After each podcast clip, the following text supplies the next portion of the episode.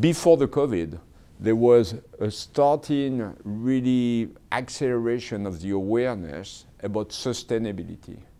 And I've seen that only accelerated even more by the COVID because unconsciously people realize that nature can take a revenge, right?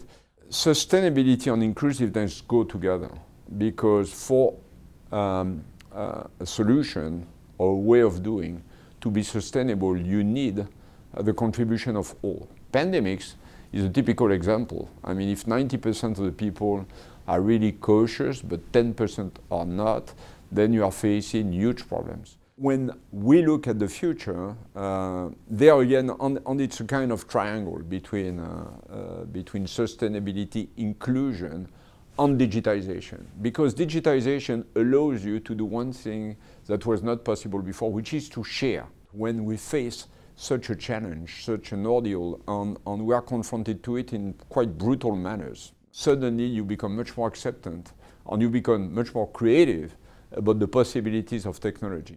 Digitization has been massively accelerated. Our customers started to co-design projects from home using our platform based on the cloud so that you can design a manufacturing site, an infrastructure, a building from there. Many of our customers ask us to connect, remotely connect their operations. Would it be a building? Would it be a plant? So that they could remotely operate.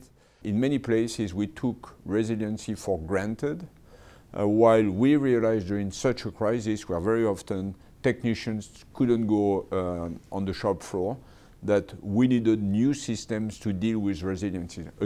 Then again, it accelerated digitization. One thing that we all realize, I believe, and that is um, a, good reminder for the future, is that we are so dependent from each other. So take the case of Schneider, uh, we take care of mission critical processes of the city.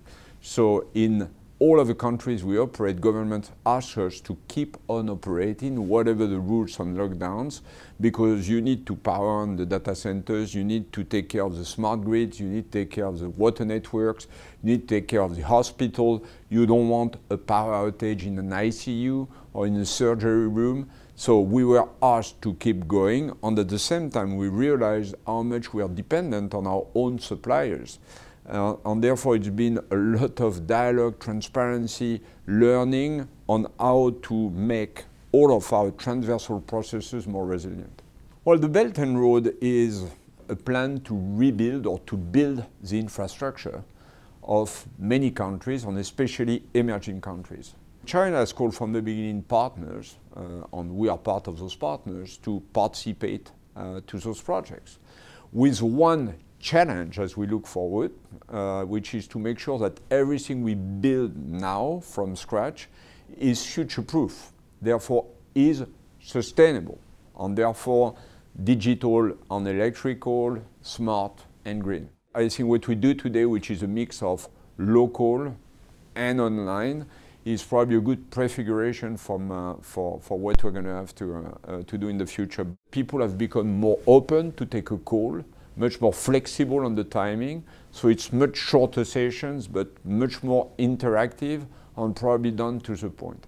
I hope that in the future we don't come back to the rigidity of the previous systems and we stay in that hybrid model where we don't forget that the most important in life are people to people relationship and we keep maintaining those possibilities to meet but at the same time we use much more digital and much more so this culture of openness, flexibility, and easy relationship.